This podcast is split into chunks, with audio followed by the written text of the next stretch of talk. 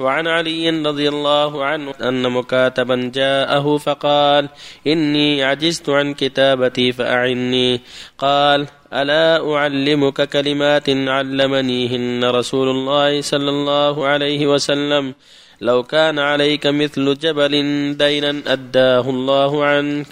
قل اللهم اكفني بحلالك عن حرامك واغنني بفضلك عمن سواك. رواه الترمذي وقال حديث حسن.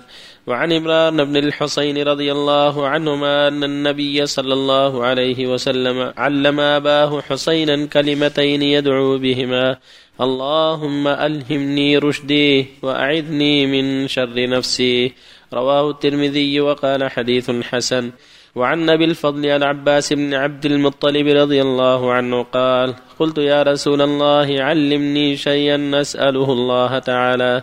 قال أسأل الله العافية. فمكثت اياما ثم جئت فقلت يا رسول الله علمني شيئا نساله الله تعالى. قال لي يا عباس يا عم رسول الله سل الله العافية في الدنيا والآخرة. رواه الترمذي وقال حديث حسن صحيح. وعن شهر بن حوشب قال قلت لأم سلمة رضي الله عنها يا أم المؤمنين ما كان أكثر دعاء رسول الله صلى الله عليه وسلم إذا كان عندك؟ قالت كان أكثر دعائه. يا مقلب القلوب ثبت قلبي على دينك. رواه الترمذي وقال حديث حسن. وبالله التوفيق. الله الحمد لله وصلى الله وسلم على رسول الله وعلى آله وأصحابه ومن اهتدى بهدى أما بعد ففي هذه الأحاديث التي قبلها الحث على الدعاء والربح إلى الله عز وجل في حاجاتك كلها كما قال جل وعلا أدعوني أستجب لكم وإذا سألك عبادي عني فإني قريب أجيب دعوة الداء إذا دعان. ومن أنفع ذلك اللهم اكفني بحلالك عن حرامك وأغني بفضلك عمن سواك اللهم ألهمني رشدي وأعلني من شر نفسي هذا من أجمع الدعاء. اللهم اكفني بحلالك عن حرامك واغني بفضلك عما سواك. اللهم ألهمني رشدي وأعلني من شر نفسي.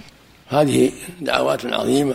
وهكذا سؤال العافية كما جاء في حديث العباس وجاء في حديث الصديق أن الرسول أمر بسؤال العافية فما أعطي أحد خيرا وأوسع من العافية؟ سأل ربه العافية. اللهم إني أسألك العافية في الدنيا والآخرة.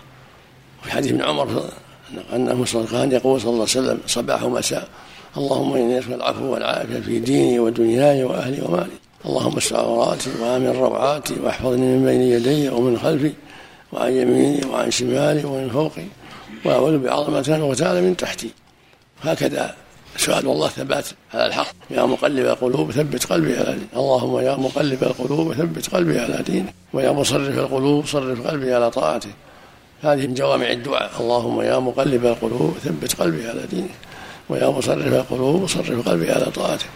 وهكذا اللهم إنك عفو تحب العفو فاعف عني. اللهم إنك عفو تحب العفو فاعف عني. وفق الله الجميع اللهم صلى الله عليك نسال الله العافية في كل أمر. أحسن الله إليك. مثلا إذا رأى مبتلى أو مثلا في الدنيا والآخرة العافية في كل شيء. اللهم إني اسال العافية في الدنيا والآخرة في كل شيء. العافية من جميع الاسواق من جميع الأدواء من شر الدنيا والآخرة.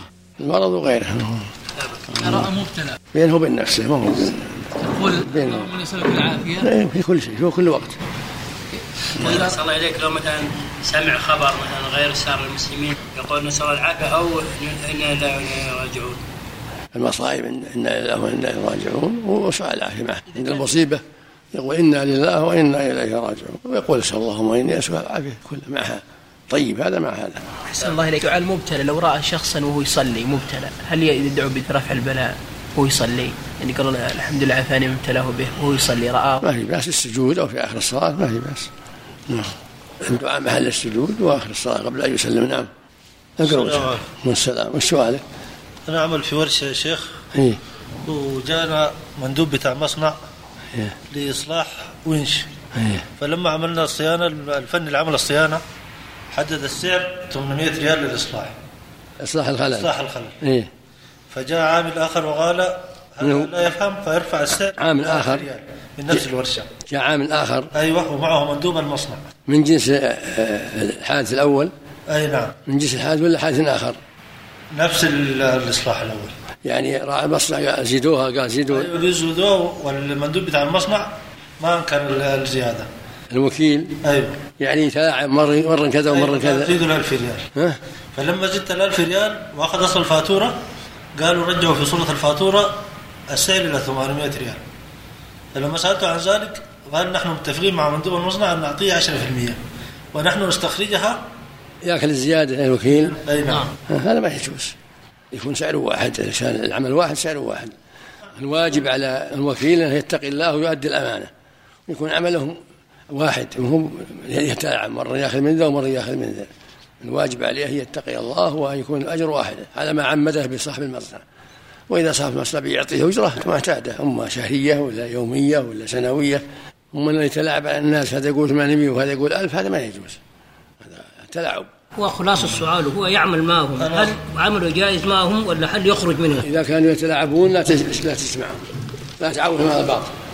إذا كان ت- رأيت تلاعبون مثلا مرة وحده وتابوا الحمد لله. ومن كان لا يتلاعبون هذا داوم يتلاعبون بالناس اتركوا